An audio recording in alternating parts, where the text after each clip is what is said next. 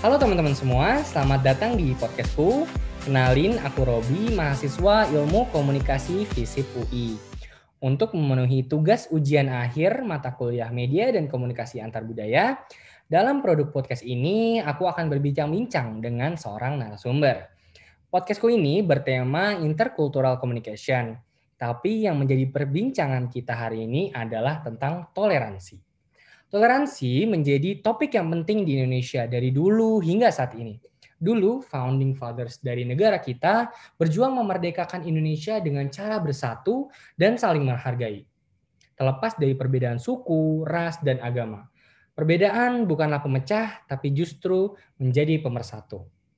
Nah, sekarang Indonesia udah mulai krisis toleransi, politik kepentingan, konflik antar agama, dan yang paling sederhana, perbedaan pendapat. Itu semua menjadi ancaman kesatuan kita. Oleh karena itu, dalam podcast ini, aku mau ngomongin tentang kehidupan bertoleransi sehari-hari di salah satu lingkungan di Indonesia yang multikultural, yaitu di Maluku, tepatnya di kota Tual. Sebelum itu, aku mau jelasin dulu kalau podcast ini akan dibagi ke dalam tiga sesi. Sesi yang pertama berjudul Napak Tilas Tanah Maluku.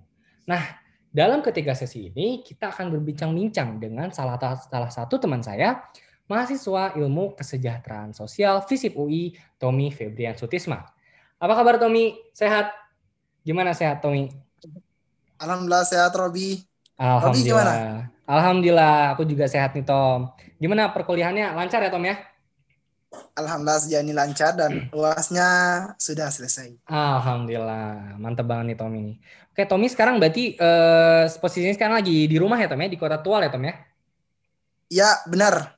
Oke, kalau boleh tahu udah dari kapan Tom? Dari lahir atau di kota Tual udah tinggal berapa lama Tom? Kalau di Tual ini udah 17 tahun tinggal di sini. Karena waktu lahir bukan di sini, lahirnya itu di Bandung dan oh. uh, ibu ajak untuk merantau ke daerah asal ibu yakni di Maluku wow. dan itu selama 17 tahun. Oke, sampai sampai saat ini berarti ya? Iya, benar. Oke. Oke, Tommy, di sesi ini kita akan berbincang tentang uh, Maluku mungkin beberapa dekade lalu gitu ya atau uh, Maluku dulu-dulu gitu ya. Jadi, aku pernah pernah baca nih Tom, kalau dulu kerajaan di Maluku itu Ternate dan Tidore pada abad 17-18 itu hidup berdampingan dengan penuh toleransi. Kerajaan Ternate merepresentasikan masyarakat Muslim, sedangkan kerajaan Tidore mempresentasikan masyarakat non-Muslim. Tetapi eh, ketika uh, kaum imperialis datang pada abad uh, ke-18, bibit-bibit konflik itu mulai tumbuh. Bangsa Portugis dan Spanyol berusaha memecah uh, hubungan Ternate dan Tidore menjadi hubungan uh, rival gitu ya. Puncaknya ketika bangsa Belanda mulai masuk ke Maluku pada abad ke-19 dengan tujuan menguasai sumber rempah-rempah. Nah, itu Tom. Uh, jadi dulu um, Maluku pernah loh dari dulu tuh hidup berdampingan secara uh, toleran. Namun pasti dalam prosesnya dalam perjalanannya sampai hingga saat ini um, pernah terjadi uh, konflik gitu ya. Uh, pas uh, era reformasi 1999 uh, terjadi konflik di Kepulauan Maluku uh, konflik ini bukan merupakan konflik etnis politik melibatkan agama di Pulau Maluku khususnya di Pulau Ambon dan Halmahera. Nah, konflik ini memang bermula dari um, masalah politik yang ujungnya konflik umat agama. Nah, pastinya um, konflik ini uh, bisa saja difaktori oleh uh, ketidaktoleransian gitu. Jadi mungkin pas uh, apa namanya Maluku yang tadinya uh, hidup toleran pasti mengalami dinamika lah uh, dalam prosesnya hingga saat ini. Nah, mungkin kita uh, bicara yang jangan terlalu jauh kali ya. Kita bicara yang yang ya mungkin udah lewat tapi deket-deket aja nih. Nah, misalnya nih um, Indonesia tuh kan biasanya masa rawan-rawan konflik tuh pas masa pemilu nih ya. Nah, selama Tommy tinggal di Maluku di Kota Tual, pernah nggak pas uh, periode pemilu tuh ada konflik gitu, ada ada perpecahan gitu. Misalnya pemilu 2004, 2019, 2014 atau mungkin yang paling hangat nih 2019. Gimana tuh Tom? Pernah nggak ada pengalaman konflik? Ya. Kalau ditanyakan terkait pengalaman, sebenarnya pernah tuh uh, waktu saya masih kelas SMA kelas 1 lah, SMA kelas 1. Ya, mungkin tahun 2016 ya ya itu kira-kira nah itu pernah uh, ikut juga pemilu saat itu dan ada dua pasangan calon yakni bupati nomor urut satu dan nomor urut dua. Terus setelah mereka berdua ini naik untuk mencalonkan diri, uh, pastikan ada adanya tim-tim suksesnya gitu, iya. baik dari apa namanya uh, yang pasangan nomor satu maupun nomor dua. Nah pasti juga timbul adanya yang namanya uh, konflik atau pertentangan.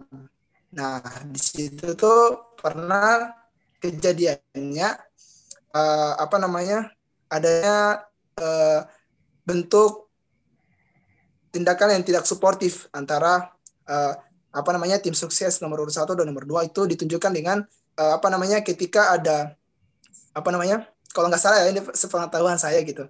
Uh, terkait apa namanya uh, pengalaman saya terhadap pemilu di Maluku di kota saya Tual tuh di pada tahun 2019 nah itu uh, tindakan tidak suportif yang dilakukan pada pasangan nomor urut satu kepada nomor dua nomor urut dua itu dengan cara melempar gitu melempar batu kepada uh, apa namanya tim sukses nomor urut dua yang sedang berkampanye gitu dengan mobil oh. nah berkonflik lah konvoy-konvoy gitu nah tapi mungkin uh, adanya apa namanya perselisihan dan konflik. Nah, di situ mulai adanya tindakan tidak suportif nah dengan cara melempar batu kepada tim sukses nomor urut 2 gitu. Itu sepengetahuan saya tentang pemilu di uh, tahun 2019 tapi uh, hingga pada saat pemungutan suara uh, alhamdulillahnya itu bisa berjalan dengan lancar walaupun dalam proses uh, apa namanya permulaan itu me memang banyak konflik dan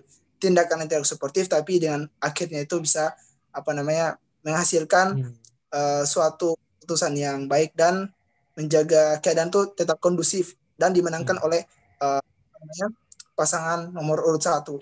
Nah hmm. seperti itu. Oke, oke. berarti uh, memang pas masa-masa pemilu itu adalah sedikit panas gitu ya, ada konflik sedikit uh, antara masing-masing pendukung gitu ya.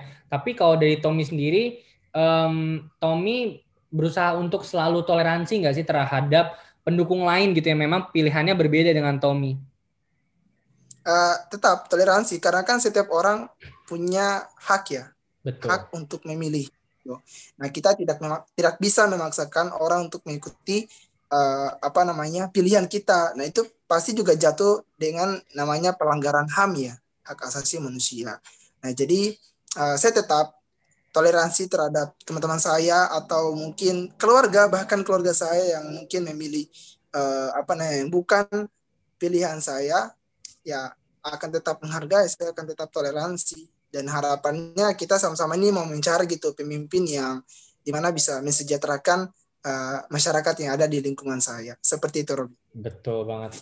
Mungkin ini juga harus banget diaplikasikan ya ke kondisi mungkin pemilu atau pemilihan-pemilihan lain pada saat ini ya kita harus selalu respect terhadap pendukung uh, lain gitu ya karena kita juga uh, semua sama-sama mau kalau kita tuh punya pemimpin yang baik gitu kan biarpun mungkin masing-masing ya. baik tiap orang tuh definisinya berbeda-beda tapi yang satu adalah ya bagaimana cara kita melihat dan menghargai uh, orang lain gitu kan ya ya benar Robi. Oke, oke Tom uh, itu dia. Akhir dari sesi pertama perbincangan kita kita udah berbicara tentang tadi uh, tentang sedikit sejarah uh, Maluku dari masa kerajaan ke penjajahan. Terus kita juga sedikit lah juga berbicara uh, menyinggung tentang konflik Maluku di uh, tahun 99 dan kita tadi barusan uh, ngobrol ya Tom terkait dinamika atau toleransi dalam praktik pemilu di Maluku. Nah, yuk sekarang kita siap-siap ke sesi kedua.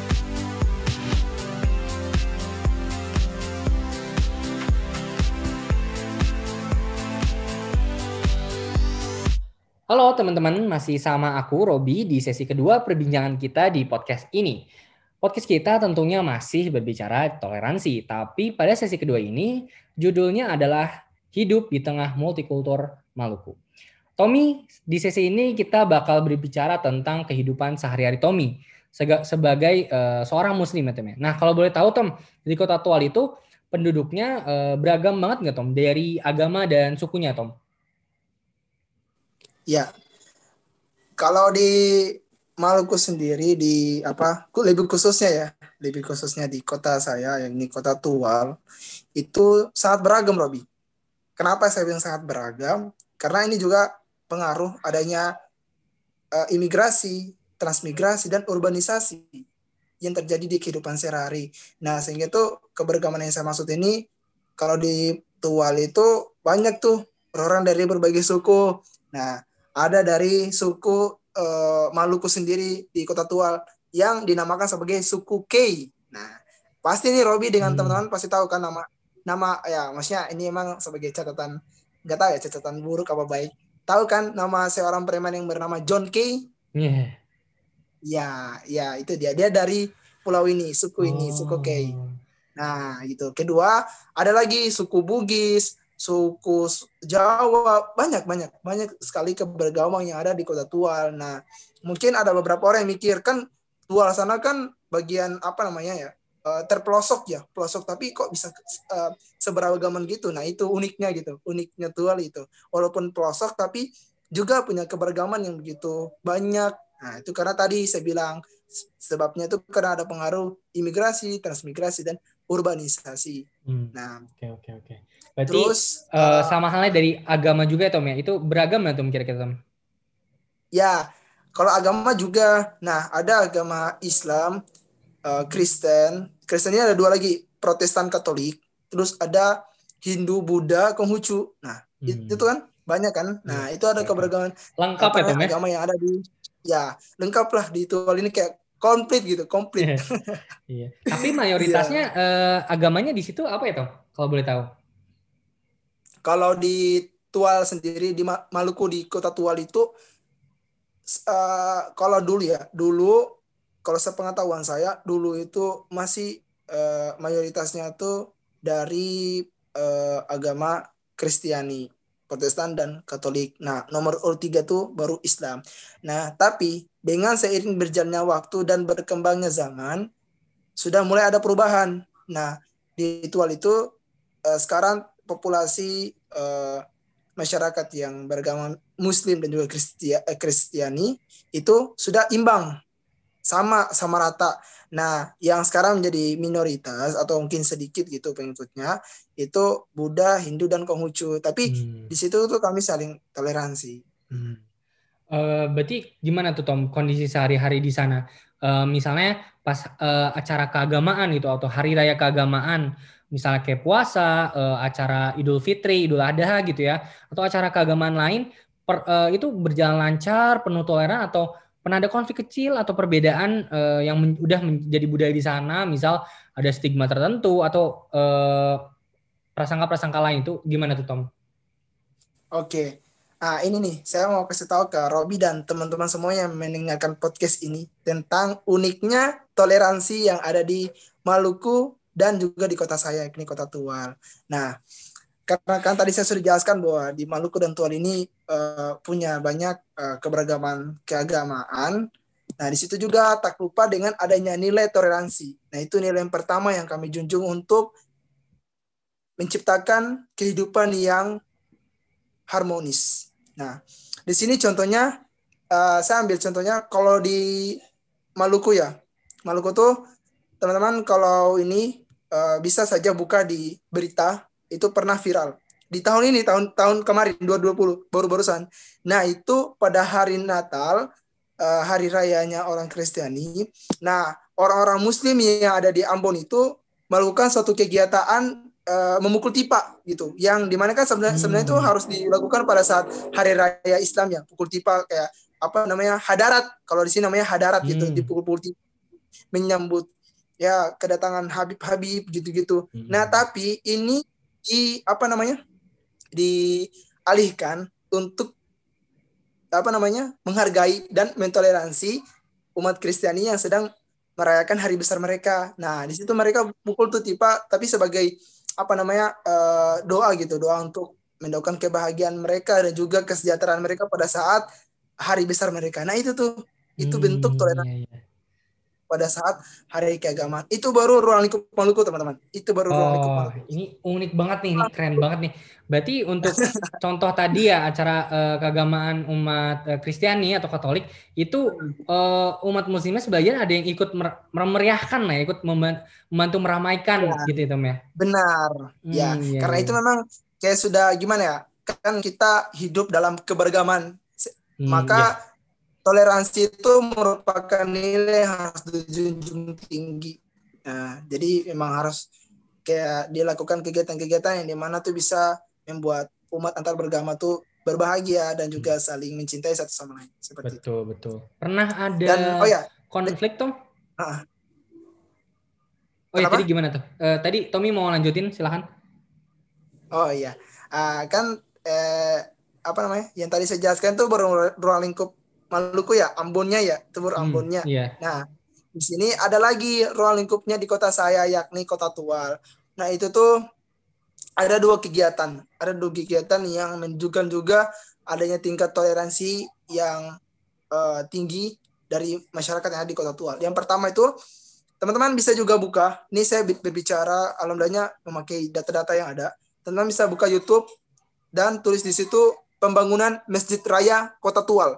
Hmm. Nah, di situ yang membuat saya terlihat impresif dan begitu sangat apa namanya terkesima yaitu pada saat pembangunan Masjid Raya Kota Tual itu bukan hanya umat muslim doang yang bangun. Hmm. Bukan hanya umat muslim doang yang bangun. apa seluruh umat beragama yang ada di Kota Tual uh, yang setahu saya dari umat Kristiani mayoritas dari umat Kristiani itu turun Bayangkan, oh. mereka turun ikut serta membangun masjid. Membangun masjid mulai dari Ka'bah hmm. sampai landasan, sampai sampai apa namanya? Ya, apa uh, apa namanya? Uh, fondasi dari hmm. dari ka, da, yes, kubahnya, dari kubahnya hingga fondasi. Bayangin tuh. Mereka datang membantu. Walaupun memang ya, walaupun per, uh, sempat terlintas pasti ya di, di pemikiran teman-teman yang muslim, bahwasanya kalau yang kayak gitu kan ya mungkin ada sedikit lah apa namanya uh, pembatasnya gitu atau gimana. Tapi enggak kalau di apa di daerah kami itu memang seperti itu.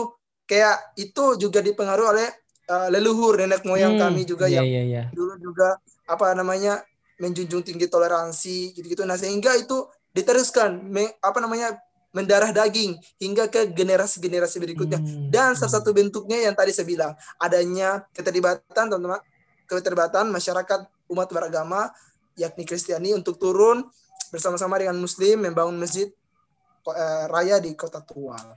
Nah, terus itu yeah, yeah, yeah. itu baru pertamanya. Kedua, ada tuh uh, kegiatan saya belum tahu ya ini udah diupload dan dipublikasi ke internet atau belum tapi ini sudah dilaksanakan oleh bupati itu nama kegiatannya adalah dialog antar umat beragama nah ketika saya menghadiri kegiatan itu ada salah satu uh, apa namanya seg, uh, segmen atau sesi yang membuat saya juga kayak apa namanya uh, merasa bangga gitu kan dengan adanya keberagaman yang ada di keberagaman agama dan budaya yang ada di uh, kota Tual uh, yakni uh, paduan suara dari gereja kota Tual. Paduan suara hmm. paduan suara dari gereja kota Tual menyanyikan salawat badar. Bayangin tuh oh. bayangin. Iya iya iya. Iya salawat badar ya sehingga itu tuh kayak menunjukkan gitu kalau kita uh, juga bisa apa namanya uh, saling toleransi dalam hal apa pun dalam beragama gitu ya yes yang itu karena tujuannya yang tadi saya bilang untuk menimbulkan keharmonisan gitu yang tadi juga Robi bilang per perbedaan ini bukan bukan merupakan pemecah tapi merupakan persatuan hmm. Hmm, hmm. Oke oke oke. Berarti memang uh, nilai-nilai toleransi itu udah diturunkan ya dari uh, generasi ke generasi dan udah menjadi budaya yang memang udah uh, diinternalisasi ya ke masyarakat uh, di Kota Tual itu ya. Jadi gotong royong antar umat beragama biarpun memang gotong royong dalam hal uh, keperluan agama tuh tetap lancar ya, tetap jalan gitu ya. Iya, hmm, benar. Iya, iya, iya. Itu ya berarti yang bikin uh, masyarakat di Kota Tual tuh begitu toleran ya. Oke, oke, oke, oke. Iya, Bayangin. Oke, oke. Uh, oke, itu dia akhir dari sesi kedua perbincangan kita kita udah ngebahas tadi bagaimana keberagaman kultur di Maluku khususnya di Kota Tual dan kita juga tadi cerita eh, Tom, sorry Tommy cerita kesehariannya kehidupan bertoleransi antar agama di Kota Tual dan apa yang menjadi uh, kunci dari toleransi uh, di Tual ini. Oke, yuk kita sekarang ke sesi terakhir.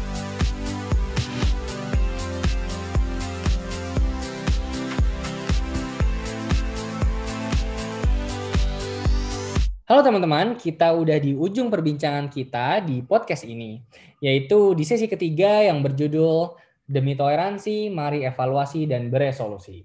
Yap, tentunya masih berbicara toleransi. Kunci hidup indah dan damai di negara multikultur, multikultur seperti Indonesia ini. Tommy, selama hidup bertoleransi di Kota Tual, di rumah Tommy, apa sih pelajaran dan hikmah yang bisa Tommy ambil ya uh, pelajaran atau hikmah yang bisa saya ambil terkait adanya kenyataan-kenyataan sosial terkait keberagaman agama dan budaya yang ada di daerah saya yakni uh, yang pertama itu saya bisa menanamkan nilai toleransi.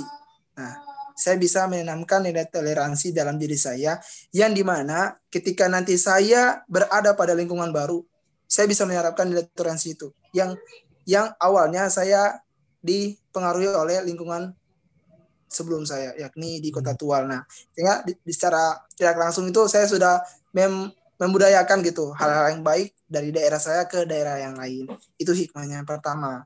Terus yang kedua, uh, saya bisa apa namanya? lebih uh, apa namanya?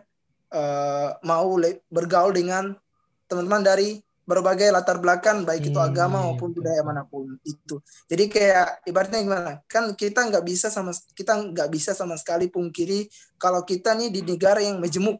Betul. Kita di negara yang punya keberagaman yang banyak. Kalau kita terus menerus mau melakukan pembedaan pembedaan dan juga apa namanya uh, peer group peer group yang di mana kita hanya bergaul pada budaya-budaya kita sendiri terus agama-agama kita sendiri kita tidak akan pernah ya mengalami yang namanya persatuan. Hmm. Kita tidak ya, pernah tidak akan pernah mendapati yang namanya perubahan. Tapi perubahan yang lebih baik itu maksud saya. Nah, makanya kan uh, adanya uh, apa namanya bentuk toleransi da di daerah saya, saya bisa mendapati bahwa uh, oh kalau untuk menciptakan persatuan dan perubahan yang lebih baik di daerah saya maupun daerah lain, nah perlu saya untuk membangun relasi dengan teman-teman dari berbagai latar belakang baik itu agama maupun budaya karena ya yang tadi saya hmm. bilang kita hidup di, di mana Indonesia adalah negara yang dijemput seperti itu. Betul banget, keren banget tuh Tommy. Itu ya benar-benar pelajaran yang bisa kita ambil uh, karena kita hidup di Indonesia. Jadi memang uh, kunci dari hidup berdampingan dengan uh, lingkungan kita yang beragam ya kuncinya toleransi ya Tom ya. Itu sudah ya, suatu kesatuan yang tidak bisa terpisahkan kan ya? Iya benar-benar hmm. itu kayak hmm. sudah bisa apa namanya ibaratkan harus mendarah daging gitu kalau kita Betul, mau di mana pun berada. ya setuju banget Tom.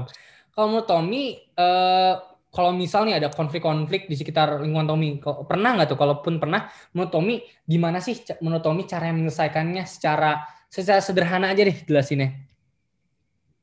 Iya, uh, uh, mungkin pernah ya, pernah. Tapi mungkin saya tidak ada di posisi tersebut gitu. Belum ada melihat secara langsung keadaan tersebut. Tapi pernah adanya berita simpang siur adanya konflik uh, antar agama di kota Tual ini.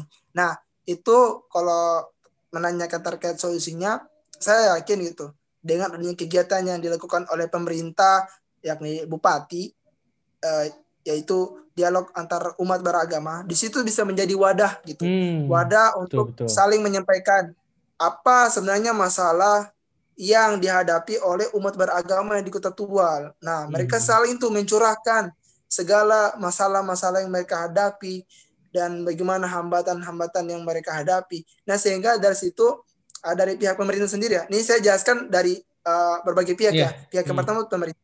Nah, mereka bisa menampung tuh aspirasi dan juga masalah yang uh, ada lewat kegiatan dialog antar umat beragama sehingga di situ pemerintah juga bisa mulai merancang dan sekaligus juga nanti melakukan intervensi untuk bisa mengatasi dan mencegah adanya konflik antar umat beragama di kota tua. Okay. Nah, terus jadi yakni itu pertama ya peran hmm. penting dari pemerintah. Itu yang tadi saya sudah jelaskan. Dua, uh, juga perlu adanya juga perlu adanya uh, peran penting dari pemuda-pemuda hmm. yang ada di uh, masyarakat Kota Tual. Nah, di situ di sini tuh yang saya apa namanya uh, menitik beratkan itu pada organisasi-organisasi keagamaan, misalnya hmm.